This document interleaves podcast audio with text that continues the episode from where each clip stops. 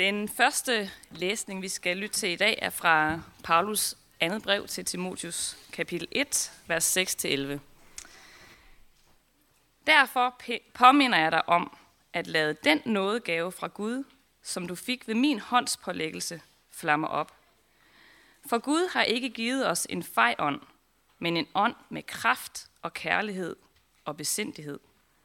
Skam dig derfor ikke ved vidnesbyrdet om vor Herre, eller ved mig, hans fange, men vær med til at lide ondt for evangeliet med den kraft, Gud giver. Han frelste os og kaldte os med en hellig kaldelse, ikke på grund af vores gerninger, men efter egen beslutning og af den nåde, som var givet os i Kristus Jesus for evige tider siden, og som nu er åbenbaret ved vor frelser Kristi Jesu til synekomst. Ved ham, der til intet gjorde døden og bragte liv og uforgængelighed for lyset ved evangeliet. For det evangelium er jeg indsat som forkynder og apostel og lærer. Og jeg vil fortsætte med at læse fra Lukas evangeliet kapitel 12. Frygt ikke, du lille jord, for jeres fader har besluttet at give jer riget. Sælg jeres ejendele og giv almisse. Skaff jer punge, som ikke slides op, en uudtømmelig skat i himlene, hvor ingen tyv kommer og intet møl ødelægger. For hvor jeres skat er, der vil også jeres hjerte være. I skal have kjortlen bundet op om lænderne og have lamperne tændt, og være som mennesker, der venter på, hvornår deres herre vil bryde op fra brylluppet, så de straks kan lukke op for ham, når han kommer og banker på. Salige de tjenere, som Herren finder vågne, når han kommer. Sandelig siger jeg jer, han skal binde kjortet op om sig og lade dem sætte sig til bords og selv komme og sørge for dem. Om han så kommer i den anden eller tredje nattevagt, Salige er de, hvis han finder dem vågne. Men det ved I, at hvis det husets herre i hvilken time tyven kommer, så ville han forhindre, at nogen brød ind i hans hus. Også I skal være redde, for menneskesønnen kommer i den time, I ikke venter det. Peter han spurgte, Herre, er det også du taler om i den her lignelse, eller er det om alle? Herren svarede, Hvem er da den tro og kloge forvalter, som af sin herre bliver sat til at give hans tjenesfolk mad i rette tid? Særlig den tjener, som hans herre finder i færd med at gøre det, når han kommer. Ja, sandelig siger jeg, han vil sætte ham til at forvalte alt, hvad han ejer. Men hvis den tjener siger som så, min herre lader vente på sig, og derpå giver sig til at slå karlene og pigerne, og at spise og drikke og fylde sig. Så skal den tjeners herre komme en dag, han ikke venter, og i en time, han ikke kender, og hugge, dem, hugge ham ned, og lade ham dele skæbne med de utro. Den tjener, som kender sin herres vilje, men ikke har forberedt eller gjort noget efter hans vilje, han skal have mange pryl. Men den, som ikke kender den, og som har gjort noget, han fortjener straf for, han skal have få pryl.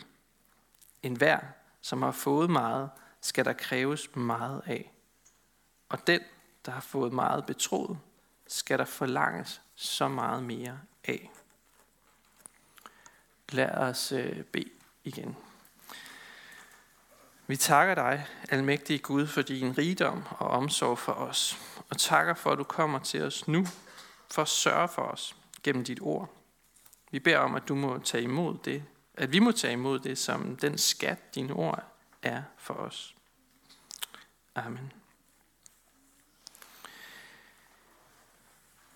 Jeg har, øh, har kørt meget øh, med, efter GPS i den her sommerferie. Øhm, og det går rigtig godt for det meste.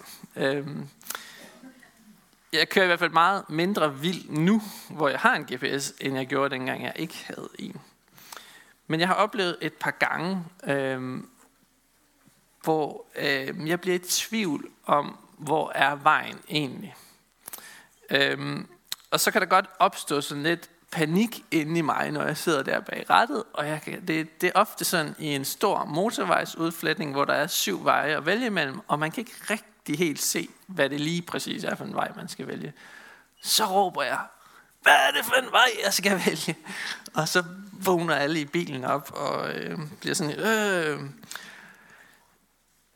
Og så kan det godt være svært at se på GPS'en, hvilken vej, der er den rigtige.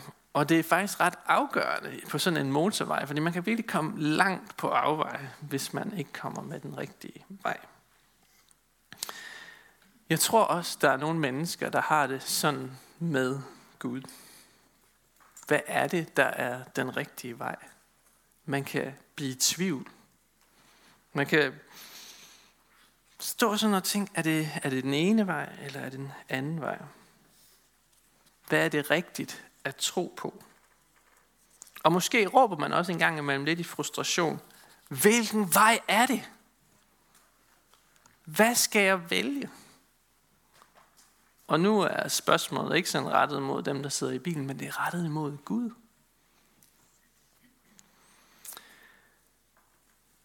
Men man skal faktisk ikke læse ret lang tid i Bibelen, før man begynder at opdage, at Bibelen fungerer lidt ligesom en GPS.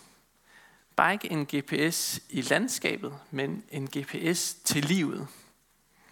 Den viser os vej, både i nogle af de bedste ting i livet, men også i nogle af de sværeste ting i livet. I går var jeg præst ved et bryllup herinde. Det er en af de ting, jeg synes er noget af det bedste, hvis du spørger mig. Og Bibelen har en masse godt at sige ind i den situation.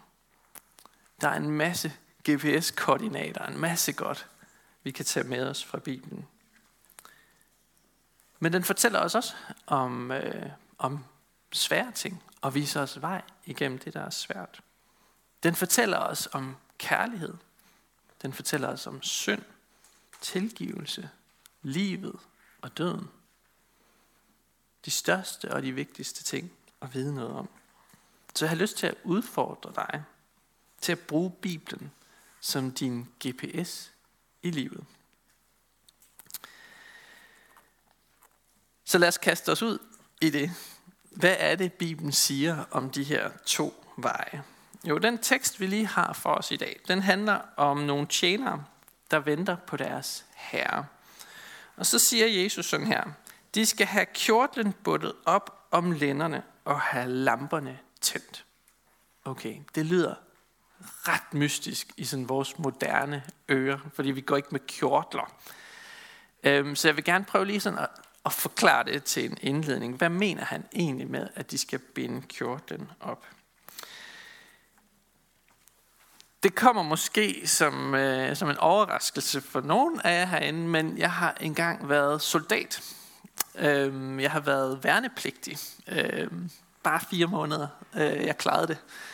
Øh, så det var sådan hurtigt overstået.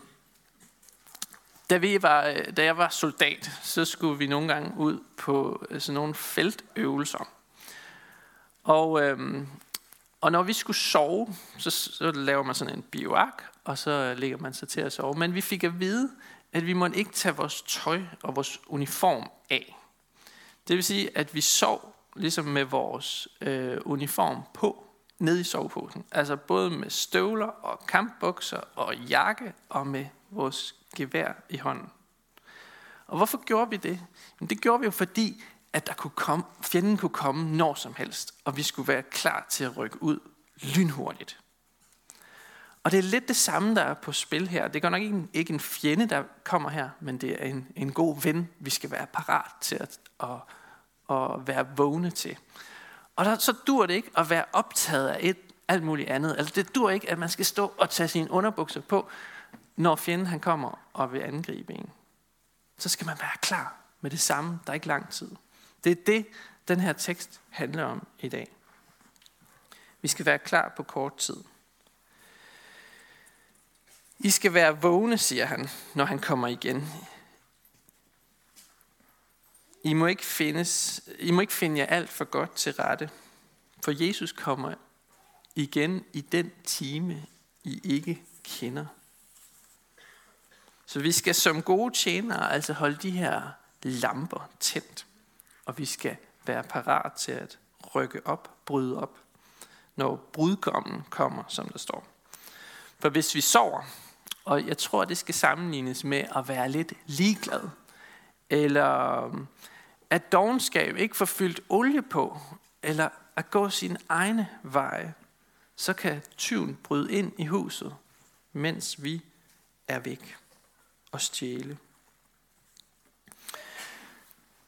Det her udtryk med at binde kjorten op, det bliver brugt et andet sted, et andet centralt sted i Bibelen, og det er der, hvor israelitterne de skal drage op fra Ægypten, de skal ud af, øh, af Ægypten og ind i det forjættede land. Der står der, at de skal binde kjortlen op. Dengang skulle de øh, gøre det, fordi Gud han ville forløse deres liv. De var slaver, og nu skulle de være frie og herre øh, i eget hus. De skulle male dørstolperne med blodet fra det slagtede lam, så dødsenglen gik forbi og skånede den første fødte i huset. Og de skulle være parat til at drage afsted. Vi kan godt sammenligne det lidt det her, den her lampe, det her lys, som Jesus taler om i dag, med det blod, der var på dørstolperne. Jesus, han er lyset, der er kommet til den her verden, og han har vundet forløsning for os ved sit blod på korset. Og han har tændt sit lys i os. Han har tændt et lys i dig og mig. Og det er virkelig træls at komme hjem til et lys i mørke. Jeg ved ikke, om I kender det. Og man står der og fumler med nøglerne, og man kan ikke rigtig finde nøglehullet, og det er sådan en rigtig træls måde at komme hjem på. Men hvis der er tændt et lys, og døren bliver åbnet op for en, så er det en helt anden oplevelse. Og det er den oplevelse, som Jesus gerne vil have, når han kommer igen. At der er tændt et lys i vinduet, og der bliver åbnet for ham. Som viser, at der bor et menneske, der er fyldt af Guds ånd, og som venter hans genkomst. Derfor skal vi være overvågne og ikke falde i søvn. Når Paulus han i den tekst, vi også hørte, minder øh, sin ven Timotius om at lade den nådegave, han har fået, flamme op, så er det lidt noget af det samme, der er på spil. Vi skal ikke sætte det lys, vi har fået, under en spand, men vi skal tværtimod sætte det i en stage, i et vindue, hvor det kan få lov til at lyse for mennesker omkring os. Vi skal nære troen i vores hjerter. Vi skal give plads til Gud, Guds ord i vores hverdag og tjene hinanden med Guds nådegaver. Det er at være overvågen og ikke være doven eller ligeglad. Det er at sætte fod i lampen. Det modsatte af det, den anden vej, som Jesus fortæller om, det er, at han bruger sådan udtrykket, at slå karlene og pigerne, og at spise og drikke og fylde sig. Altså, det er at gå voldens og syndens vej, eller at gå maven og begærets vej. Så er det, at man ikke er forberedt til, når han kommer. Så holdes lyset ikke tændt. Og disciplen Peter, han spørger sådan meget direkte, hvad er det også du tænker på, eller er det nogen andre? Jeg synes, det minder lidt om sådan et spørgsmål, som en teenager derhjemme kunne finde på at sige. Altså, du har godt nok bedt mig om at støvsuge, men er det mig, du tænkte på, eller er det, nogen, er det ikke bare de andre, der skulle støvsuge? Nej, det er dig, fister. Kom i gang. Jeg tror, det er lidt det, der er på spil her. Altså, Jesus, Peter han prøver ligesom at sige, er det mig, eller er det de andre? Og så siger Jesus, det er dig, Peter. Og han, han skærper det faktisk en lille smule. Han siger det sådan her, den tjener, som kender sin herres vilje, altså som ved, hvad det er, Gud han vil have os til med den her lampe, men ikke har forberedt sig, og ikke gjort noget efter hans vilje, han skal have mange pryl. Altså det er et billede, vi skal, vi skal ikke forstå det helt bogstaveligt, men det er ikke godt i hvert fald. Og den, som ikke kender Herrens vilje, og derfor, han, den person, der ikke ligesom ved, hvad er det, der er Guds vilje, han skal faktisk have få pryl. står der. Altså, at det skal ikke regnes ham til last. Altså, Peter, det er dig, jeg taler til. Det er dig, som ser dig selv som en del af inderkredsen i kirken. Det er dig, som trofast går i kirke og lytter til Guds ord hver dag. Det er dig, som kender Bibelen godt. Det er dig, der skal vågne op og ikke falde i staver over den her verden.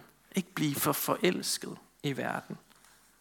For der forlanges mere af den, der har fået meget betroet, siger Jesus. Det kan jeg godt mærke som nogle lidt tunge ord ind over mit liv, vil jeg faktisk sige.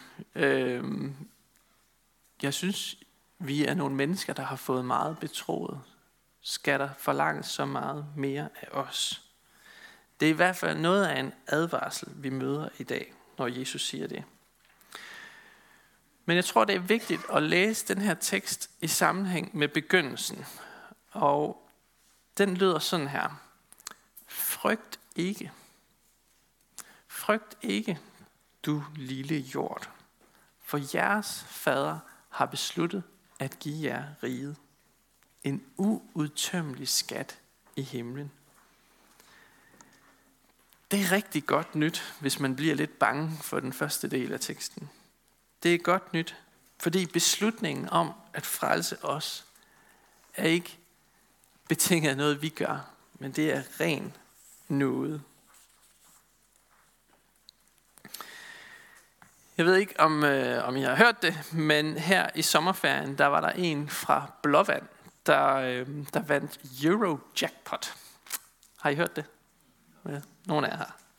Øhm, jeg siger ikke det her for at anbefale, at man skal spille lotto eller noget, men øh, jeg kunne ikke lade være med at tænke på, hvad, hvad ville jeg bruge de penge på, hvis jeg nu havde vundet? Han vandt 750 millioner kroner. Øh, det er rimelig meget. Jeg vil nok betale af på lånet i huset, og øh, så vil jeg måske tage ud og rejse. Jeg, jeg vil helst sikkert købe en ny bil. Men hvad vil du bruge pengene på?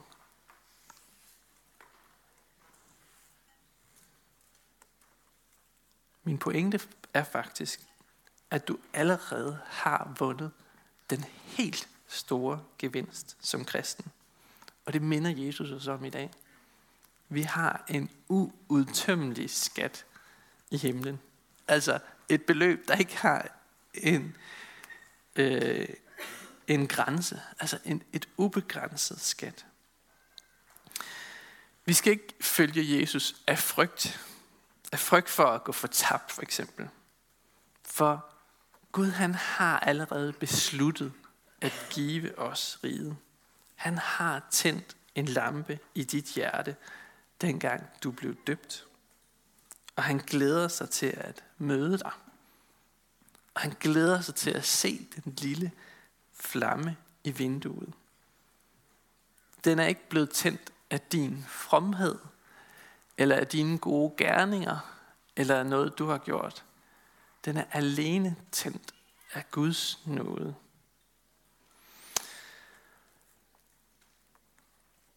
Og alligevel så advarer han os om ikke at tage let på den her flamme, vi har fået. Der er en risiko for at falde i søvn i den her verden, og lade troens flamme dø ud. Så vi formanes i dag til at øh, være tålmodige, at vente med længsel på, at Jesus han kommer igen, og, øh, og lade evangeliet få næring i vores liv og lad være med at falde i søvn. Det sidste, jeg vil sige, øh, det er sådan applikationen af det her. Hvad er det, vi skal bruge det til? Øh, du kan jo spørge dig selv, hvor er din skat? Hvor er din skat? For hvor din skat er, siger Jesus, der er dit hjerte også. Er din skat alene i jordiske ting? Det kunne være uddannelse. Det kunne være din aktieportefølje. Det kunne være længslen efter at have mere magt. Det kunne være sex. Det kunne være stræben efter popularitet. Det kunne være en lækker krop og et dejligt udseende. Det kunne være biler. Det kunne være filosofi. Hvis det er dit et og alt, din skat, så er dit hjerte nok også der. Men hvis din skat er Jesus, frelsen, troen på Gud, Guds ord, nåden, så er dit hjerte nok også der. Så hvor er din skat? Og så kommer Jesus sådan også med et meget godt råd til os. Hvordan finder vi ud af det? Han siger det sådan rimelig åbent. Sælg dine ejendele og giv pengene til de fattige. Oh, det er sådan hårdt at høre måske. Men hvis du ikke kan det, så er du stadig bundet til den her verden, siger Jesus. Det er ligesom en sømand, der ankom til en øde ø med sit skib. Han gik i land og gik lidt væk fra skibet. Han fik sig en kokosnød og gik langs stranden for at samle skaller. Men da kaptajnen pludselig råbte, nu letter vi anker, så smed sømanden alt, hvad han havde i hænderne, for at nå tilbage til skibet, før det var for sent. Vi skal leve et gavmildt liv og dele ud af vores ressourcer og tid og penge. Det er noget, vi har fået betroet, og vi kan alligevel ikke tage det med os i sidste ende. Så indtil Jesus kommer igen, så skal vi øve os.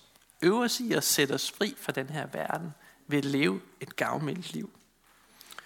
Du kan øve dig i at løsrive dig ved at øh, dele dine penge med mennesker eller organisationer, der har brug for hjælp. Du kan give af din tid til at hjælpe den, der har brug for støtte til lektierne, eller give en hånd med, når vi fejrer gudstjeneste her i, i menigheden. Næsten kun med frivillige kræfter. Hvorfor skal vi gøre det? Jo, fordi så løfter vi blikket fra at have fokus på alt det jordiske, til pludselig at have fokus på de mennesker, der er omkring os. Mennesker i nød nogle gange, som har brug for vores hjælp. Vi vender blikket fra os selv og ud mod hinanden. For så vil du have en uudtømmelig skat i himlen, siger Jesus. Og med det, der mener han faktisk ikke en økonomisk sådan, gevinst eller en økonomisk skat.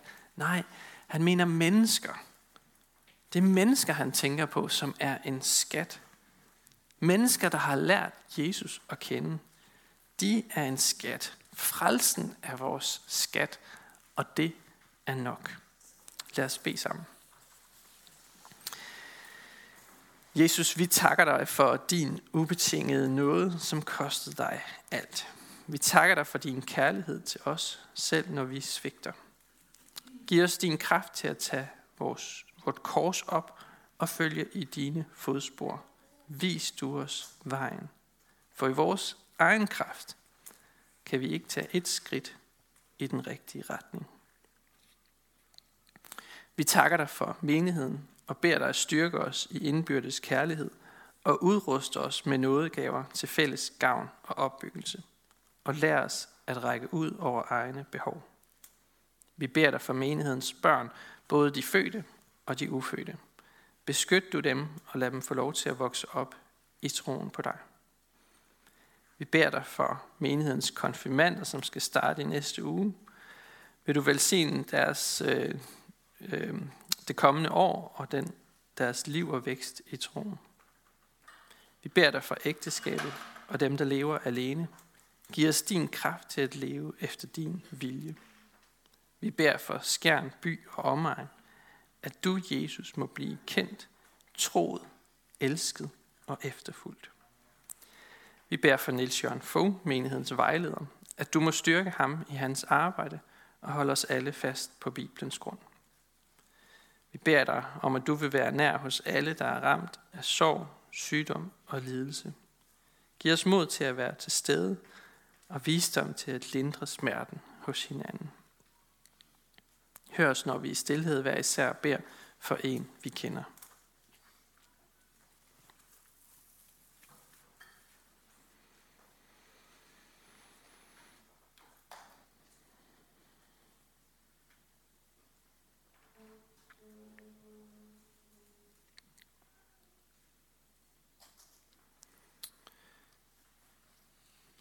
Vi vil også bede dig, Jesus, for Kirsten, Kirsten Østerby, som er udsendt til Jerusalem. Vil du give hende en god indgang i hendes arbejde der? Og vi vil også bede dig for Sofia Hansen, som er sendt til Tanzania. Vil du være med hende øh, i hendes nye arbejde i Iringa? Vi beder for din kirke, Jesus. Lad budskabet om dig spredes over hele jorden og styrk dem, som forfølges for dit navns skyld.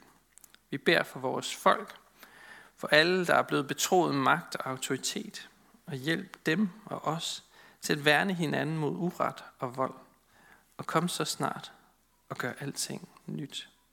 Amen.